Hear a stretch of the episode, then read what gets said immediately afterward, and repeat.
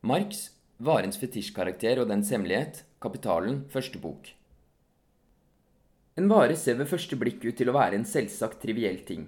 Analysen av den viser at den faktisk er en svært innviklet ting, full av metafysiske spissfindigheter og teologiske nykker.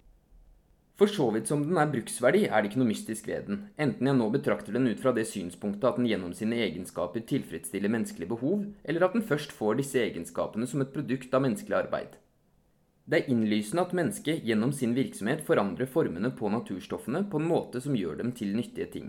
Formen på treet f.eks. For blir forandret når en lager et bord av det. Ikke desto mindre er bordet fortsatt tre, en alminnelig sansbar ting.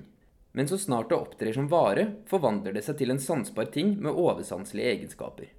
Du står ikke bare med beina på bakken, men i forhold til andre varer stiller det seg på hodet, og ut fra sitt trehode utvikler det nykker mye underligere enn om det på egen hånd hadde begynt å danse.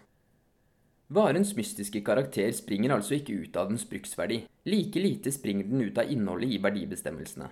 Fordi, for det første, hvor forskjellige de nyttige arbeidene eller produktive virksomhetene enn måtte være, så er det en fysiologisk sannhet at de er funksjoner av den menneskelige organismen. Videre, at enhver slik funksjon, uansett dens innhold og form, vesentlig er forbruk av menneskelig hjerne, nerve, muskel, sanseorganer osv. For det andre, når det gjelder det som ligger til grunn for verdistørrelsen, nemlig hvor lenge dette forbruket varer, eller kvantiteten av arbeidet, så er til og med kvantiteten åpenbart noe forskjellig fra kvaliteten av arbeidet. Under alle forhold måtte menneskene være interessert i den arbeidstiden som er nødvendig for å produsere livsmidlene, selv om denne interessen ikke er like stor på de forskjellige utviklingstrinn. Endelig så får menneskenes arbeid også en samfunnsmessig form så snart de på en eller annen måte arbeider for hverandre. Hva er altså årsaken til den gåtefulle karakteren som arbeidsproduktet får så snart den antar vareform? Det er åpenbart et resultat av denne formen selv. Likheten mellom de menneskelige arbeidene kommer til uttrykk i arbeidsproduktenes tingaktige form. De blir like som legemliggjorte verdier.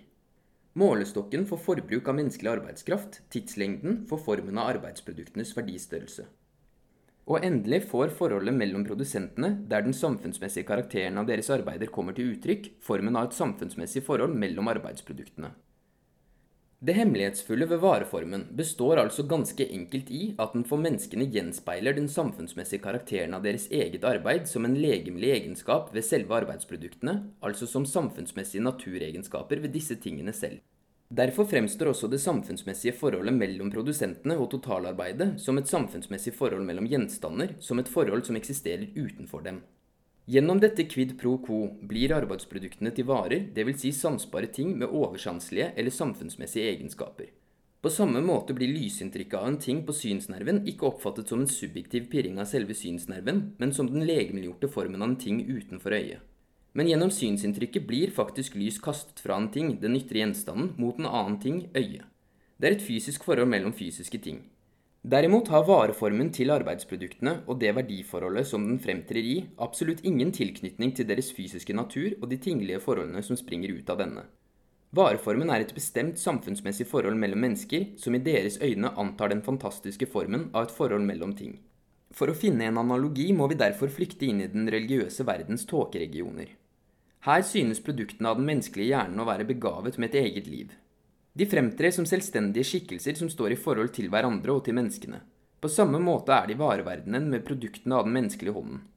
Dette kaller jeg fetisjismen, som kleber seg til arbeidsproduktene så snart de blir produsert som varer, og som derfor er uatskillelig fra vareproduksjonen. Som analysen forut allerede har vist, har denne fetisjkarakteren som preger vareverdenen, sitt utspring i den eiendommelige samfunnsmessige karakteren av det arbeidet som produserer varer. Bruksgjenstander blir i det hele tatt bare til varer fordi de er produkter av innbyrdes uavhengige privatarbeider. Helheten av disse privatarbeidene utgjør det samfunnsmessige totalarbeidet. Siden produsentene først kommer i samfunnsmessig kontakt med hverandre idet de bytter arbeidsproduktene sine, viser også den spesifikt samfunnsmessige karakteren av deres privatarbeider seg først innenfor dette byttet. Eller først gjennom de forbindelsene som bytteprosessen setter arbeidsproduktene og dermed også produsentene inn i, fungerer privatarbeidene som ledd i det samfunnsmessige totalarbeidet. Produsentene oppfatter derfor de samfunnsmessige forbindelsene mellom deres privatarbeider slik som de fremtrer, dvs. Si ikke som umiddelbart samfunnsmessige forhold mellom personer i selve arbeidene deres, men tvert imot som tinglige forhold mellom personene og samfunnsmessige forhold mellom tingene. Det er først gjennom bytte at arbeidsproduktene får karakter av likhet som legemliggjorte verdier, atskilt fra deres karakter av å være sansbart forskjellige bruksverdier. Denne spaltingen av arbeidsproduktet i nyttigting og verditing spiller en praktisk rolle først etter at byttet allerede har fått så stor utbredelse og betydning at nyttige ting blir produsert med henblikk på bytte, dvs. Si etter at tingenes verdikarakter kommer i betraktning allerede når de blir produsert.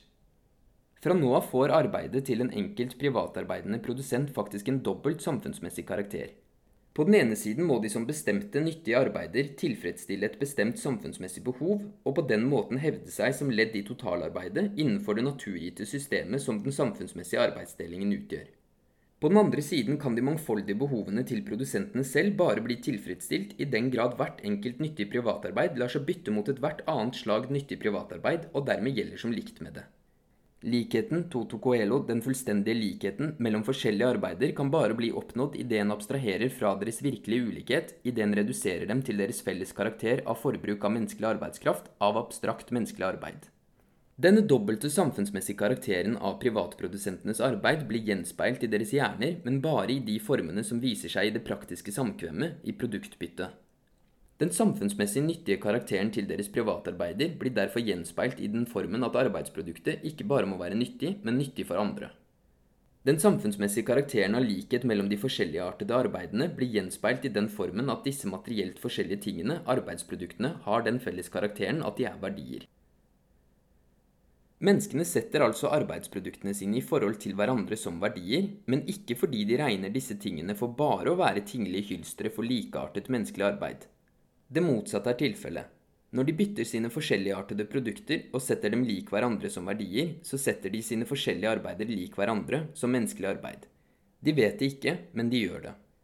Verdien forvandler tvert om ethvert arbeidsprodukt til en samfunnsmessig hieroglyf. Senere forsøker menneskene å tyde hieroglyfens mening, forsøker å finne hemmeligheten ved deres eget samfunnsmessige produkt.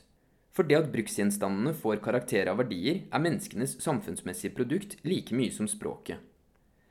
Den sene vitenskapelige oppdagelsen at arbeidsproduktene, for så vidt de er verdier, bare er tinglige uttrykk for det menneskelige arbeid som er forbrukt for å produsere dem, er epokegjørende i menneskehetens utviklingshistorie. Men det skremmer ikke på noen måte vekk det skinnet av legemiljøring som hefter ved arbeidets samfunnsmessige karakter. Det er bare innen denne særegne produksjonsformen, vareproduksjonen, at den spesifikt samfunnsmessige karakteren som gjelder for de gjensidig uavhengige privatarbeidene, består i at de er like som menneskelig arbeid og får form av arbeidsproduktenes verdikarakter. Men for dem som selv driver med vareproduksjon, fremstår denne formen både før og etter denne oppdagelsen som like virkelig og endelig som det faktum at lufta fortsatt eksisterer i en fysikalsk legemlig form også etter at vitenskapen har oppløst den i dens elementer. Det som først og fremst er av praktisk interesse for dem som bytter produkter, er spørsmålet om hvor mange fremmede produkter de får for sitt eget produkt, altså i hvilke proporsjoner produktene lar seg bytte. Så snart disse proporsjonene gjennom vanen modnes til en viss fasthet, synes det å være et resultat av arbeidsproduktenes natur, slik at f.eks. ett tonn jern og to unser gull er likeverdige på samme måte som ett pund gull og ett pund jern er like tunge, til tross for at de har forskjellige fysikalske og kjemiske egenskaper. Verdikarakteren til arbeidsproduktene etablerer seg først når de fungerer som verdistørrelser. Verdistørrelsene forandrer seg uavbrutt, uavhengig av viljen, forkunnskapen og handlemåten til de som bytter. De samfunnsmessige bevegelsene til de personene som bytter, har for dem form av bevegelser av ting, ting de blir kontrollert av, i stedet for at de kontrollerer tingene. Det må eksistere en fullt utviklet vareproduksjon før det ut av selve erfaringen vokser frem den vitenskapelige innsikten at de privatarbeidene som blir drevet uavhengig av hverandre, men som alle er avhengige av hverandre som naturgitte ledd i den samfunnsmessige arbeidsdelingen, stadig blir redusert til sine samfunnsmessig proporsjonale mål. Dette skjer fordi den arbeidstiden som er samfunnsmessig nødvendig for å produsere produktene, voldelig tvinger seg gjennom som en regulerende naturlov i de tilfeldige og skiftende bytteforholdene, slik f.eks. tyngdeloven setter seg gjennom når et hus faller sammen over hodet på en. Det at arbeidstiden bestemmer verdistørrelsen, er derfor en hemmelighet som er skjult under de synlige bevegelsene til de relative vareverdiene. Det at hemmeligheten blir oppdaget, fjerner skinnet av arbeidsproduktets verdistørrelse som noe rent tilfeldig, men det fjerner slett ikke verdistørrelsens tinglige form. Refleksjonen over formene for det menneskelige livet, altså den vitenskapelige analysen av dem, tar i det hele tatt en vei som er motsatt av den virkelige utviklingens vei. Den begynner post festum, og derfor med de ferdige resultatene av utviklingsprosessen. De formene som stempler arbeidsproduktene som varer, og som derfor eksisterer som forutsetningen for varesirkulasjonen, er allerede stivnet til naturformer for det samfunnsmessige livet før menneskene forsøker å komme til klarhet over disse formene. Og da forsøker de ikke å komme til klarhet over den historiske karakteren til disse formene, som de tvert om allerede betrakter som uforanderlige, men over deres innhold. Slik var det bare analysen av vareprisene som førte til bestemmelsen av verdistørrelsen, bare analysen av det felles pengeuttrykket for varene som førte til fikseringen av deres verdikarakter. Men det er nettopp denne ferdige formen til vareverdenen, pengeformen, som i stedet for å avsløre faktisk tilslører privatarbeidernes samfunnsmessige karakter, og dermed privatarbeidernes samfunnsmessige forhold. Når jeg sier at frakk, støvel osv. forholder seg til lerret som den allmenne legemliggjøringen av abstrakt menneskelig arbeid, så ligger galskapen i dette uttrykket klart i dagen. Men når produsenten av frakk, støvel osv. setter disse varene i forhold til lerret som allmennekvivalent, eller til gull og sølv, noe som ikke forandrer på saken, så fremtrer for dem forholdet mellom deres privatarbeider og det samfunnsmessige totalarbeidet nettopp i denne forrykte formen. Slike former utgjør nettopp kategoriene i den borgerlige økonomien. De er samfunnsmessig gyldige, altså objektive tankeformer for produksjonsforholdene i denne historisk bestemte samfunnsmessige produksjonsmåten, vareproduksjonen. Hele mystisismen i vareverdenen, hele trolldommen og alt spøkeriet som tilslører arbeidsproduktene når de tar form av varer, forsvinner derfor med det samme vi flykter til andre produksjonsformer. Den politiske økonomien ønsker robinsonader. La oss derfor til å begynne med besøke Robinson på hans øy. Selv om han av naturen er beskjeden, har han likevel forskjelligartede behov å tilfredsstille og må derfor utføre forskjellig slags nyttig arbeid. Lage verktøy, fabrikkere møbler, temme lamaer, fiske, jakte osv. Vi snakker ikke her om hans bønner og lignende, da vår Robinson har glede av det og betrakter den slags virksomhet som avkobling. Til tross for at hans produktive funksjoner er forskjellige, så vet han at de bare er forskjellige former for virksomheten til den samme Robinson, altså bare forskjellig slags menneskelig arbeid. Nøden tvinger ham til å fordele tiden nøyaktig mellom de forskjellige funksjonene. Hvorvidt den ene funksjonen utgjør en større, den andre en mindre del av hans samlede virksomhet, avhenger av hvor store vanskeligheter det er som må bli overvunnet for å oppnå den ønskede nytteeffekten. Dette har erfaringen lært ham, og vår Robinson, som fikk reddet klokke, hovedbok, penn og blekk fra skipbruddet, begynte som en god engelskmann snart å føre bok over seg selv. Inventarlisten hans inneholder en fortegnelse over de bruksgjenstandene han eier, over de forskjellige arbeidene som er nødvendige for å produsere dem, og endelig den arbeidstiden som bestemte mengder av disse forskjellige produktene koster ham i gjennomsnitt. Alle forhold mellom Robinson og de tingene som utgjør rikdommen hans, og som han selv har skapt, er her så enkle og gjennomsiktige at selv herr Wirth burde forstå dem uten altfor stor intellektuell anstrengelse. Og likevel inneholder de alle verdienes vesentlige bestemmelser. La oss nå forflytte oss fra Robinsons lyse øy til den mørke europeiske middelalder. I stedet for den uavhengige mannen finner vi her at alle er avhengige, livegne og grunneiere, vasaller og lensherrer, legmenn og prester. Personlig avhengighet karakteriserer de samfunnsmessige forholdene i produksjonen i like stor grad som det karakteriserer de livsfærene som har vokst opp på grunnlag av denne produksjonen. Men nettopp fordi personlige avhengighetsforhold utgjør det gitte samfunnsmessige grunnlaget, behøver ikke arbeid og produkter å anta en fantastisk skikkelse forskjellig fra deres virkelighet. Arbeid og produkter inngår i den samfunnsmessige virksomheten som naturaltjenester og naturalytelser. Arbeidets naturlige og særegne form blir her dets umiddelbare samfunnsmessige form, i motsetning til under vareproduksjonen, der arbeidets allmenne form utgjør den umiddelbare samfunnsmessige formen. Hoveriarbeid lar seg like godt måle i tid som vareproduserende arbeid, men enhver livegen vet at det han forbruker i tjenesten hos sin herre, er en bestemt mengde av hans personlige arbeidskraft. Den tienden som må gå til presten, er tydeligere enn prestens velsignelse. Uansett hvordan en måtte bedømme de rollene som menneskene her møter hverandre i, så fremtrer i hvert fall de samfunnsmessige forholdene mellom personene i deres arbeid som deres egne personlige forhold. De er ikke forkledd som samfunnsmessige forhold mellom tingene, arbeidsproduktene. For å kunne betrakte felles arbeid, dvs. Si umiddelbart samfunnsmessig skapt arbeid, trenger vi ikke gå tilbake til den naturgitte formen for dette, slik vi møter den på historiens terskel hos alle kulturfolk. Et mer nærliggende eksempel utgjør den landlige patriarkalske industrien til en bondefamilie som til eget behov produserer korn, kveg, garn, lerret, klesplagg osv. Disse forskjellige tingene fremtrer i forhold til familien som forskjellige produkter av familiearbeidet, men de opptrer ikke innbyrdes som varer.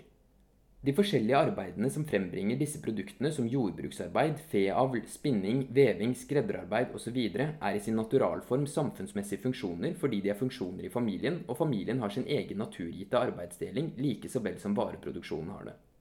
Kjønns- og aldersforskjeller samt arbeidets naturbetingelser som skifter med årstidene, regulerer fordelingen av arbeidet i familien og arbeidstiden til de enkelte familiemedlemmene.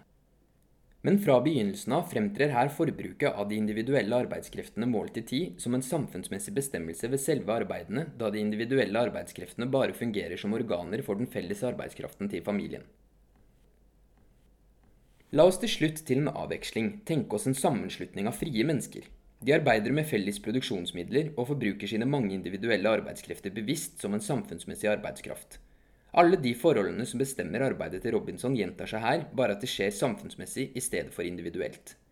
Alle produktene til Robinson var utelukkende hans personlige produkter og derfor umiddelbart bruksgjenstander for ham selv. Totalproduktet til denne sammenslutningen av frie mennesker er et samfunnsmessig produkt. En del av dette produktet tjener igjen som produksjonsmidler og forblir derfor samfunnsmessig. Men en annen del blir fortært som livsmidler av medlemmene i sammenslutningen. Den må derfor bli fordelt blant dem. Måten denne fordelingen vil foregå på, vil forandre seg med den særegne karakteren av den samfunnsmessige produksjonsorganismen og det tilsvarende historiske utviklingsnivået til produsentene. Bare som en parallell til vareproduksjonen forutsetter vi at hver produsents andel av livsmidlene er bestemt gjennom hans arbeidstid. Arbeidstiden vil altså spille en dobbelt rolle. Den samfunnsmessig planmessige fordelingen av arbeidstiden regulerer de riktige proporsjonene mellom de forskjellige arbeidsfunksjonene og de forskjellige behovene. På den andre siden tjener arbeidstiden samtidig som målestokk for den individuelle andelen som produsentene har av fellesarbeidet, og derfor også for den delen av fellesproduktet som det er mulig å fortære individuelt. Menneskenes samfunnsmessige forhold til sine arbeider og sine arbeidsprodukter forblir her enkle og gjennomsiktige, både i produksjonen og i distribusjonen. Kristendommen, med dens dyrking av det abstrakte mennesket, særlig i dens borgerlige utviklingsformer som protestantisme, deisme osv., er den religionsformen som samsvarer best med et samfunn av vareprodusenter.